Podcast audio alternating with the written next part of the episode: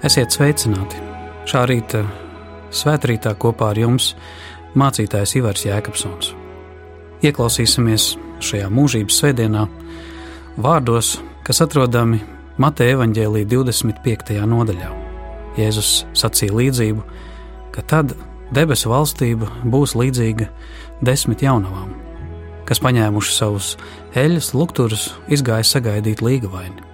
Piecas no tām bija nesaprātīgas un piecas saprātīgas. Nesaprātīgās ņemdamas savus lukturus nepaņēma līdzi eļļu, bet saprātīgās saviem lukturiem paņēma līdzi arī eļļu traukos. Kad līgavainas kavējās nākt, viņas visas iesnaudās un gulēja. Bet nakts vidū atskanēja skaļi saucieni, redzēja, līgavainas nāk, izejiet viņu sagaidīt. Tad visas desmit jaunavas uzcēlās un sagatavoja savus lukturus, Nu, nesaprātīgās lūdza saprātīgajām, dodiet mums no savas eļļas, jo mūsu lukturi izdziest. Bet saprātīgās atbildēja: Nē, tā nepietiks ne mums, ne jums. Labāk ejiet pie tirgotājiem un nopērciet sev. Kamēr viņas gāja pirkt, atnāca līgavainis, un tās, kuras bija gatavas, iegāja līdz ar viņu kāzu namā, un durvis tika aizslēgtas. Vēlāk atnāca arī pārējās jaunavas un sauca: Kungs, kungs, atver mums!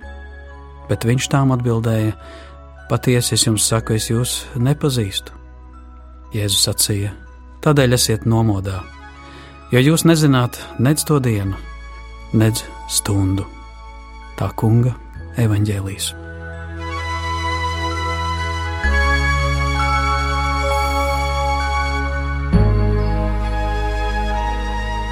Kungs, Dievs, mēs lūdzam Tevi, ieklausoties šajos vārdos, svētī mūs ar patiesību, kas mums šodien jādzird, ar patiesību, kas izgaismo mūsu šī brīža pārdomas. To lūdzam Tava dēla, Jēzus vārdā. Āmen!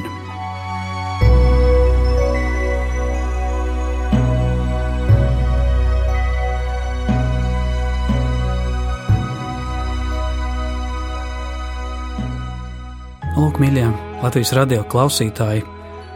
Šodien tiekamies Svētrīt Viļņos mūžības svētdienas dienā, kur baznīcas gads noslēdzas un mēs atskatāmies uz aizgājušo laiku, uz aizgājušiem cilvēkiem un notikumiem, un viss tā vidū atskan šis evaņģēlīja vārds, kas mudina mūs sagatavoties tai dienai un tai stundai, kas nāk. Šeit ir runa par saprātīgu un nesaprātīgu dzīves laika izlietojumu, kas simbolizēts ar jaunavām, kuras gatavojas svinēt kāzas, gatavojas iet svētku namā. Ceļš uz debesīm šajā ziņā nav uz tumsu, bet uz gaismu. Nevis uz garlaicīgu nīkšanu pēc interesantās dzīves, bet otrādi. Tā ir sagatavošanās debesu kāzām, kā svētie raksti mums to ļauj saprast.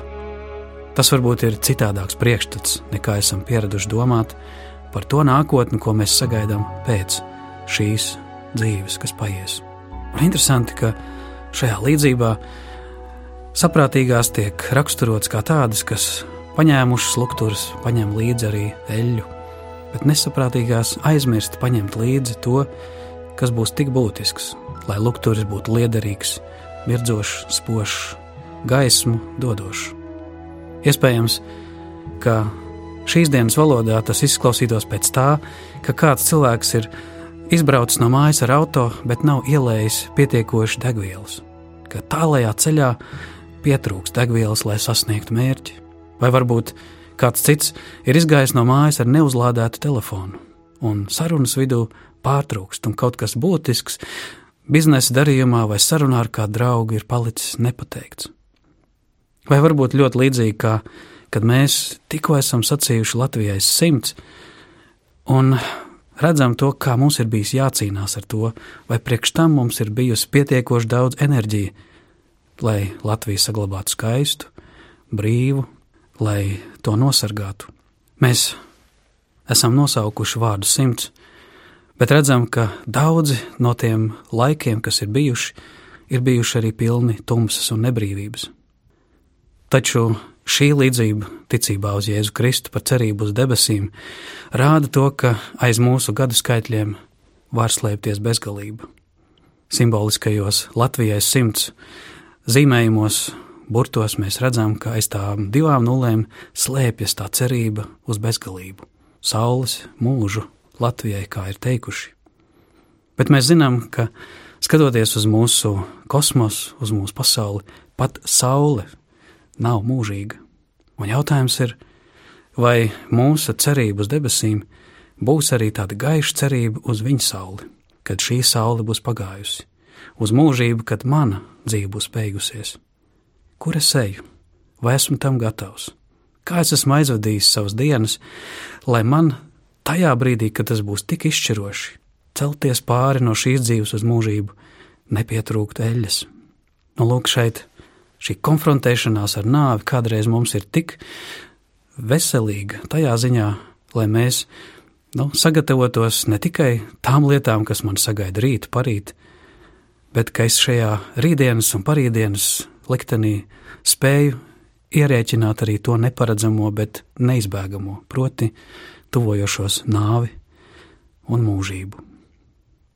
Šajā ziņā mūžības svētdienas skatās uz aizgājušo dzīves laiku, bet tā arī ar mīlestību un pateicību piemin aizgājušos cilvēkus, kuri ir bijuši gaismi mūsu dzīves ceļā. Tie ir mūsu brāļi, māsas, vecāki, pat bērni, no tie, kuru dzīve tā vai citādi nu ir galā. Mēs ar pateicību uz tiem raugamies, tā mīlestība palika mūsu sirdīs, pat ja nāve mūs šķir bet visu tā vidū ir bijušas arī tās dievišķās liecības, kas pildījušas mūsu dvēseles ar svētības, ar ticības eļļu, kurais parastām laicīgajām dzīvēm ir stāstīts arī tas dieva mūžīgais stāsts, no kurienes mēs nākam, kāpēc esam. Šie mūžības atplaiksnījumi ir ļāvuši pacelt arī mums skatus uz debesīm. Tā pašā laikā mēs zinām, ka ne viss, kas ir pagātne, ir zelts, un ne katrs tuvinieks mums ir bijusi šāda šīs dzīves un mūžības gaisma. Tādēļ šī diena, raugoties atpakaļ, varbūt aicina arī dažu labu izlīdzināties, piedot savai pagātnē, piedot saviem vecākiem, kas nav bijuši ideāli, piedot saviem draugiem. Tieši piedošanas vārds, izlīdzināšanās mīlestībā ir tā svētīgā eļļa, kas izgaismo un atbrīvo un attīra mūsu dzīves lukturus, lai tas neapdzistu tad, kad dzīve satumsīs. Šajā ziņā mēs, cerībā uz mūžību, vēlam mieru. Tā ir vieta, par kuru Bībele saka, ka nebūs vairs bēdu, vaidu, sāpju un nāves. Es ticu, ka šie mīlestības, miera un piedošanas mirkļi nav tikai kaut kas tāds, ko sagaidām kaut kad, bet kaut kas, kas iespīd mūsu dzīvē jau tagad. Kad Kristus runā par mūžīgo dzīvību, viņš runā, ka tā, kā debesu valstība, nāk jau tagad mūsu vidū. Varbūt tā ne visur top pilnīgi redzama, bet tas ir kaut kas tāds, kas nav tikai pēc šīs dzīves realitāte, bet kaut kas, ko Dievs ienes jau tagad, kā mūsu dzīvi, kurai esam radīti. Un iespējams, ka lai labāk saprastu, kas ir tas miers, ko varētu vēlēt sev un tuviniekiem uz mūžību, ir arī kaut kas tāds, ko varam redzēt tagad. Nu, piemēram, vārds miers, manuprāt, ir saistīts ar vārdiem laimes mirkļi mūsu dzīvē. Tad, kad ir viegli un labi. Un tas visbiežāk ir saistīts ar vārdiem: Tu esi mīlēts. Iespējams, debesu miers ir ļoti līdzīgs tam, kā mazs bērns smaida savas mātes siltajā apskāvienā. Vai varbūt līdzīgi, ka tu esi savās mājās un tu esi savā vietā, drošībā, līdzīgi kā Jēzus teica, ka viņš aiziet pie tēva mums vietu sataisīt, un viņš runā par mūžību kā mājām, kur mēs aizejam, kur mēs atgriežamies.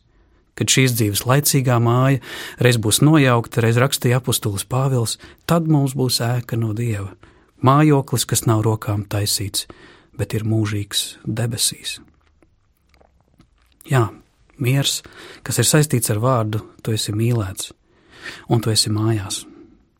Bet pāri visam šie jēdzieni, kā mīlēts un būt mājās, bieži vien tiek apēnots ar vārdu konflikts, netaisnība, grēks, kas nodara pāri, kas šķeļ. Un tādēļ, kā tāda saistviela, kā tāds dziedinošais elements mīlestībai un debesu miera sajūtai, ir tas, kas izlīdzina mūs, proti, piedošana Un tas ir tas, ko Kristus panāk pie krusta. Tas ir tas, kas kā evaņģēlīja vēsts mums ir dot kā cerība šeit un mūžībai, ka Dievs ir tik ļoti pasauli mīlējis, ka devis mums savu vienpiedzimušo dēlu, lai neviens, kas tic viņam, nepazustu. Lūk, es domāju, ka līdzīgi kā pēc konflikta, kad ir iestājies īsts, īsts miers, nevis palicis kaut kur rūkums, kas hindē attiecības, bet īsts miers un izlīgums ir arī debesu valstības zīme jau tagad, kad to piedzīvojam, bet mūžībā tas to pilnīgs. Ja mēs jautājam, uz kurien kristīgā cerība skatās, ar baltām trēbēm, līdzīgi kā jaunavas, kas gatavojas kāzām, tad tas ir uz vietu, kur tu esi mīlēts un kopā ar tiem, kas tevi mīl, ka tu esi kā tāds cilvēks, kas atgriežas pēc dzīves piedzīvojuma mājās, un ka tev par visiem taviem priekiem un bēdām, grēkiem un labajiem centieniem ir arī piedots un tu esi izlīdzināts ar Dievu. Uz nāves robežas ir vērts tad apstāties, lai pajautātu un izvērtētu savu dzīvi. Šad tad ir vērts apstāties šodien, ja es tagad, līdzīgi kā karavīrs kaujas laukā, pēkšņi sastopu savu likteni, savu nāvi, vai es būšu ellē vai debesīs, vai mana mūžība būs kaut kas tāds, par ko es varēšu pateikties par aizgājušo dzīves laiku, kas man ir bijis dots. Vai es šodien nodzīvoto dzīvi, ja es tagad skatos atpakaļ uz nāves sliekšņa, vai es tieši tādu to būtu gribējis? Es ticu, ka mums daudziem ir par ko pateikties, kur daudz kas ir tiešām svētīgi gājis ar Dieva palīgu un vadību, bet daudziem tieši šis nāves tuvums atricinājums liek sacīt: Nē, kaut kas nav kārtībā. Šis ceļš nevedīs pie atvērtām durvīm. Šis ceļš, kādu es eju tagad, iespējams nosprūdīs pie aizslēgtām durvīm, jo mans lukturs ir apsūbējis. Mana dzīvības un svētības un Kristus dāvātās mīlestības eļļa nav paņemta līdzi. Tā aizcēr durvis deguna galā. Gala rezultātā es esmu atsvešinājies no Dieva un tuvākā, ka debesīs es dzirdēšu tikai vārdus: ejiet prom, es jūs nepazīstu. Tu kā egoists esi dzīvojis tikai sev dzīvi, pazinis labākā gadījumā tikai sevi un savus iegribas, bet īsto ceļu, īsto mīlestību esi pazaudējis. Jā, tev ir bijis dots lukturis, bet eļļa tajās nav ielieta, kas to apgaismo, kas piešķir tam jēgu. Jā, šī līdzība par desmit jaunavām mani nostāda kaut kur šajā jautājumā, vai es esmu prātīgs vai nesaprātīgs. Un, ak, kungs, pasaule, kas aizmirst paskatīties uz mūžības perspektīvu, pasaule, kas iegrimst neprātīgajā skrējienā, ir tiešām līdzīga šīm desmit jaunavām, kas iziet no mājas un tomēr neuzlādē savas mīlestības baterijas. Kad dzīve prasa no tevis patieso pozitīvo liecību, tev nav spēka. Tu nespēji nosargāt ne savu morāli, ne savu dzimteni, ne savu sirdi, kas radīta cerībai uz debesīm. Mēs visi reiz mirsim. Mēs nezinām, kad. Tā ir šīs dienas vēsts. Tomēr šīs dienas stāsts ar savu morāli saka: saposies, sataisies, dodoties dzīves ceļā, neaizmirsti galveno. Ejot dzīves ceļā, neaizmirsti sakrāt arī eļļu, kas izgaismos tavu dzīvi tad, kad būs tumsa, bēdas un nāve. Šī ir ierastā kāzu tradīcija Palestīnā. Šis pasākums ieved mūs kā Jēzus lieto šo līdzību mums kā mācību. Bet, ja mēģinām tulkot šo desmit jaunu stāstu, tad principā tas parasti simbolizē draugu, kura gaida kungu pārnākam. Te vairs pat nav runa par tiem, kas negaida. Par tiem šai gadījumā nav stāsts. Jo tie, kas negaida, tie, kas ir ārā, tie pats par sevi jau dzīvo tumsā. Bet šeit ir runa par draugu, kas gaida kungu. Un daudz varbūt argumentē un saka, gan jau es kaut kā bez draudzes. Tad tas ir absolūti neskaidrs no kristīgā viedokļa mūžības liktenis. Jo nepietiks tikai ar jautājumu, ka Dievs ir labs vai ka viņš vispār eksistē, bet jautājums ir, vai tu esi kristīts, vai tu esi draudzē, vai tu esi starp tām jaunavām, kuras gaida, kuras gatavojas. Šajā ziņā kristīgais aicinājums, domājot par nāvi, nozīmē ieiet draudzes kopībā, būt kā tā draudzene, kas ir kā līgava, kas gatavojas uz debesīm.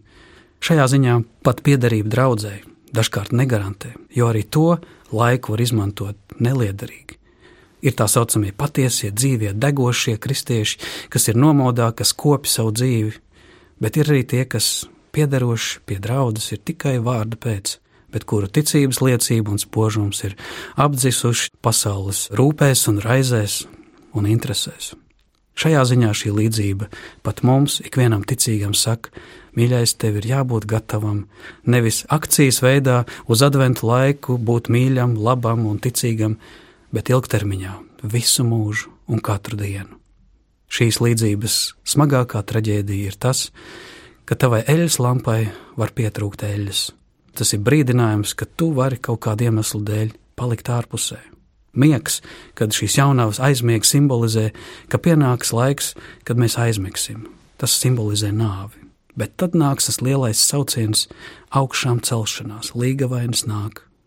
Nespēja dalīties ar eļļu, šai gadījumā netulko kā žēlsirdības trūkumu, bet te ir runa par to, ka ir lietas, ko citi nevar izdarīt manā vietā, ir lietas, kuras es no citiem nevaru aizņemties. Es nevaru ticēt cita vietā, un cits nevar ticēt un mīlēt manā vietā. Dramatiskais pavērsiens ir, ka mana lampa izdziest, manas durvis var tikt aizslēgtas, un es varu piedzīvot, ka es jūs nepazīstu. Un tad nepalīdzēs, ka mana vecmāmiņa bija ticīga vai mans vīrs bija labs. Šajā ziņā mēs nevaram uz blata vai radniecības pamata vien sacīt: esmu cerībā uz debesīm. Šeit ir runa par mūsu personīgo dzīves atbildību. Un tad, kā rezultāts šai lēnajai atsvešināšanās traģēdijai, var būt vārdi, ko raksta Ezdra apokrifu grāmatā, ka šīs dvēseles izvārgs apjukumā un izdils kaunā un bailēs redzot visaugstā godību, kura priekšā tās dzīves būdams tomēr ir grēkojušas un kuras pēdējos laikos tiks tiesātas viņas redzēs, kā ticīgie droši gavilēs, bez mulsas, paļausies un bez bailēm priecāsies un steigsies ieraudzīt tā vaigu, kam kalpojuši dzīves laikā. Jautājums ir, kā būs ar mani? Mēs šajā dienā esam aicināti raudzīties uz mūžības cerību, pateikties par aizgājušo dzīvi un mācīties no dzīves stāsta, domājot par nāves tuvošanos ieraudzīt, ka kristīgā cerība raugās nevis uz nebūtību, bet uz mūžību. Bet uz mūžību raugās ar iedegtām eļļas lampām, ticības un mīlestības un lūgšanas pilnām sirdīm, kas Kristu atpestītas, cer uz debesīm, kur esam kopā kā mājās ar tiem, ko mīlam. Šīs dienas aicinājums ir: esiet nomodā, jūs nezināt, kad. Vai tu dzīvos panikā vai bailēs? Nē, tas ir aicinājums dzīvot svētībā, atsaucoties Dievam, uzticoties Viņam un dzīvojot mīlestībā, kas aizdzen bailes. Tas nozīmē dzīvot jau tagad mūžīgo dzīvību, dzīvot jau tagad savu dzīves pēdējo brīdi, dzīvot jau tagad Dieva valstību, dzīvot jau tagad žēlstības laiku, kas iesākas tagad un nebeigsies mūžībā. Lai Dievs svētī mūsu ģimenes, mūsu tautu, kā arī mums aiz mūsu gadu skaitļiem un aiz mūsu Latvijai simts, Kristu ir dāvāta arī bezgalība. Āmen! Lūksim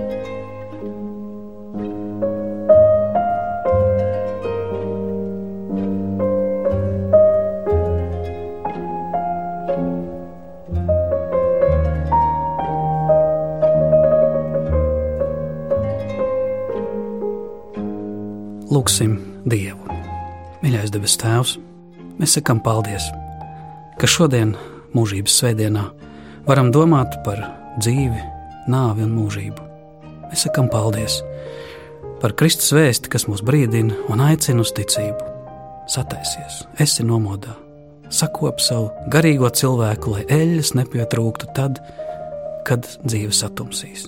Mēs sakām paldies, ka tu mums visu esi devis, lai šīs dzīves laiks par spīti apstākļiem tomēr ir svētība, kas sagatavo mūs tam, kas nāks. Mēs lūdzam par mums, mēs pateicamies par tiem, kas ir līdzās, un par tiem, kas aizgājuši. Un svētī, ka mūsu dzīves laiks ir tā dzīvots, ka esam iemantojuši arī gudru sirdi, lai kad tā stunda pienāk, mēs nebūtu tukšā vai tumsā vai izmisumā, bet svētīgi dzīvojuši caur Jēzu Kristu iemantojam debesis, un mūžīgo dzīvību. Kungs, tu zini mūsu katra situāciju, tu zini mūsu katra priekus, bēdas, sēras un cerību, bet to visu uzticam tev, kā Jēzus mācīja. Mūsu Tēvs debesīs. Svētīts lai top tavs vārds, lai nāk tava valstība, tavs prāts, lai notiek kā debesīs, tā arī virs zemes. Mūsu dienascho maizi dod mums šodien un piedodi mums mūsu parādus, kā arī mēs piedodam saviem parādniekiem.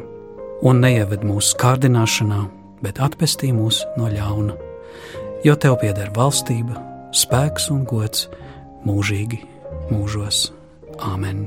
Un lai mūs visus svētī un pasargā, visvarenais Dievs, Tēvs, Dēls un Svētais Gars!